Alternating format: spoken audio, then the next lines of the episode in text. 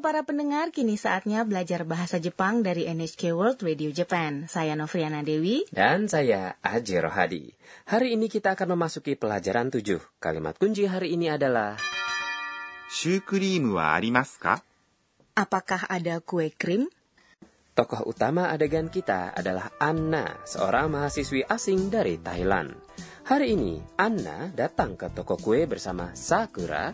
Sekarang mari kita dengarkan adegan untuk pelajaran 7. Kalimat kunci hari ini adalah...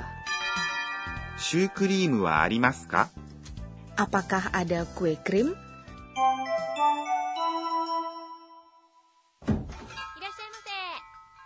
Keiki ga ippai arimasu ne.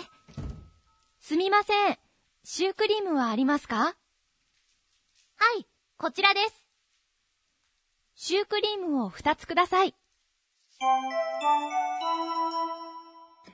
Sekarang mari saya jelaskan mengenai adegan tadi. Saat ia masuk ke dalam toko, Anna mengatakan, ケーキがいっぱいありますね。ada banyak kue ya. ケーキ Adalah kue. Ini adalah kata serapan dari cake dalam bahasa Inggris.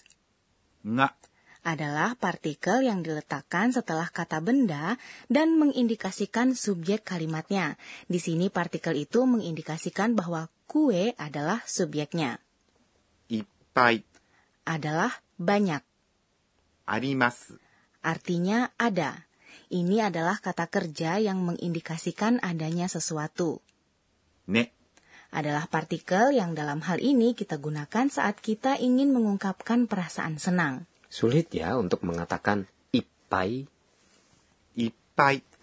Memiliki suara tercekat. Saat Anda mengucapkannya, Anda harus menghentikan nafas Anda satu ketuk. Gunakan su kecil dalam hiragana untuk mengeja suara tercekat. Mari berlatih mengatakannya. Ipai. Berikutnya, Sakura bertanya pada seorang pegawai toko. Sumimasen, wa? Permisi, apakah ada kue krim? Sumimasen. Berarti permisi. Kita menggunakannya untuk menyapa seseorang. Saat Anda tersesat, Anda dapat mengatakan sumimasen kepada seseorang yang kebetulan lewat dan menanyakan arah kepada orang tersebut. Tapi kita juga dapat mengatakan sumimasen saat kita ingin mengatakan mohon maaf. Betul. Shukrim adalah sejenis penganan barat berbentuk bola-bola kecil yang terbuat dari adonan tipis dan diisi dengan krim. Kata ini berasal dari ungkapan bahasa Prancis yaitu shu à la. Dalam bahasa Jepang kita menyebutnya shukurimu atau kue sus dalam bahasa Indonesia. Ayo kita kembali ke adegannya wa. Setelah syukurimu adalah partikel penanda topik. Arimas ka? Terdiri dari arimas yang artinya ada dan ka partikel yang membuat kalimat menjadi pertanyaan. Anda mengucapkannya dengan intonasi menanjak. Si pegawai toko kemudian menjawab, Hai, kochira desu. Ya, sebelah sini. Hai. Adalah ya.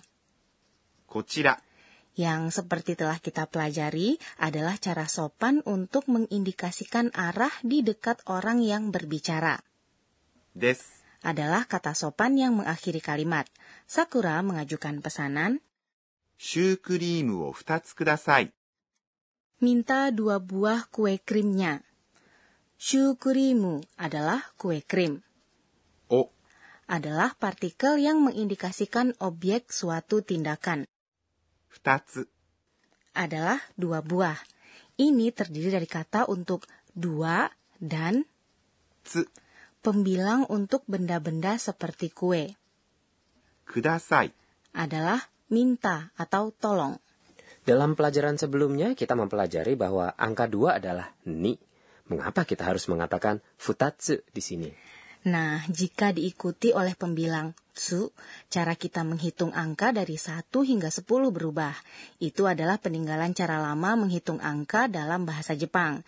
Di masa lalu, 1, 2, 3 adalah hi, hu, mi.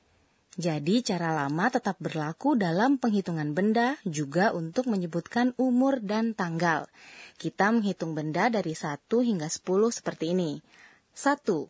Hitotsu dua, 二つ、 tiga, 三つ、 empat, 四つ、 lima, 五つ、 enam, 六つ、 tujuh, 七つ、 delapan, 八つ、 sembilan, 九つ、 sepuluh. と、 Tujuh yang mudah karena tidak berubah. Pengucapannya adalah nana untuk tujuh dan nanatsu dengan su. Sementara yang lainnya berubah total jika diikuti oleh zu. Sepuluh adalah yang unik karena tidak diikuti oleh zu dan diucapkan sebagai to. Nah, sekarang mari kita ucapkan kata-kata tadi mengikuti contoh berikut ini. Hitotsu, futatsu, mitsu, yotsu, itsutsu, mutsu, nanatsu, yatsu, kokonotsu, to. Jadi mari kita dengarkan lagi adegan pelajaran 7. Kalimat kunci hari ini adalah シュークリームはありますか apakah ada kue krim? いらっしゃいませ。ケーキがいっぱいありますね。すみません。シュークリームはありますかはい、こちらです。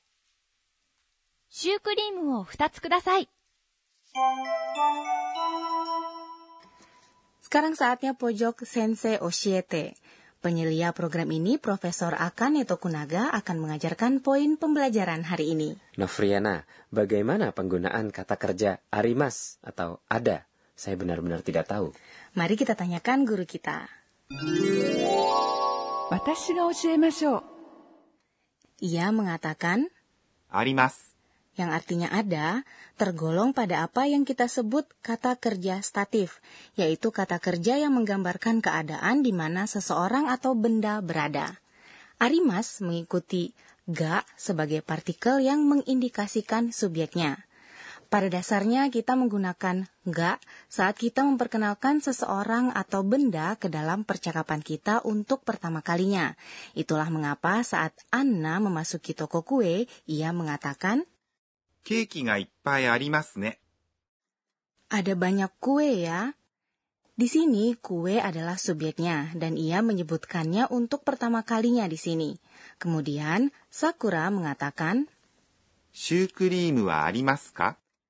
menggunakan penanda topik wa di sini, Sakura berada di dalam toko kue dan melihat berbagai macam kue. Jadi, ia ingin tahu jika di antara kue-kue itu ada jenis yang disebut kue krim. Maka ia mengambil kue krim sebagai topik dan menggunakan penanda topik wa. Contoh lainnya, saat Anda ingin membeli kaos ukuran L, Anda bertanya, L size wa? Apakah ada ukuran L? Itulah tadi pojok Sensei Oshiete. Berikutnya adalah pojok kata tiruan bunyi. Kita memperkenalkan kata-kata yang menyerupai bunyi, suara, atau perilaku. Aji, dapatkah membayangkan suara yang digambarkan kata berikut ini? Pak, pak. Hmm, berjalan tanpa alas kaki? Bukan. Paku, paku. Menyerupai orang yang menyantap makanannya dengan sangat lahap. Nah, kata berikut ini juga menggambarkan satu cara makan seseorang. Mogu-mogu. Apa tadi? Mogu-mogu? Mogu-mogu. Menggambarkan orang yang mengunyah makanan tanpa membuka mulutnya. Dan dalam kata tiruan bunyi hari ini kita memperkenalkan pak-pak dan mogu-mogu. Sebelum menutup perjumpaan, Anna mengingat kembali kejadian hari ini dan membuat catatan. Inilah pojok catatan si Anna. Itu Yuwo. Kudasai adalah ungkapan yang berguna jika saya menunjuk ke sesuatu yang ingin saya beli dan mengatakan Koreo kudasai, minta yang ini. Saya bisa membelinya bahkan meskipun saya tidak tahu namanya. Apakah Anda menikmati pelajaran 7? Kalimat kunci hari ini adalah シュークリームはありますか Apakah ada kue krim? Ikutilah episode kami selanjutnya.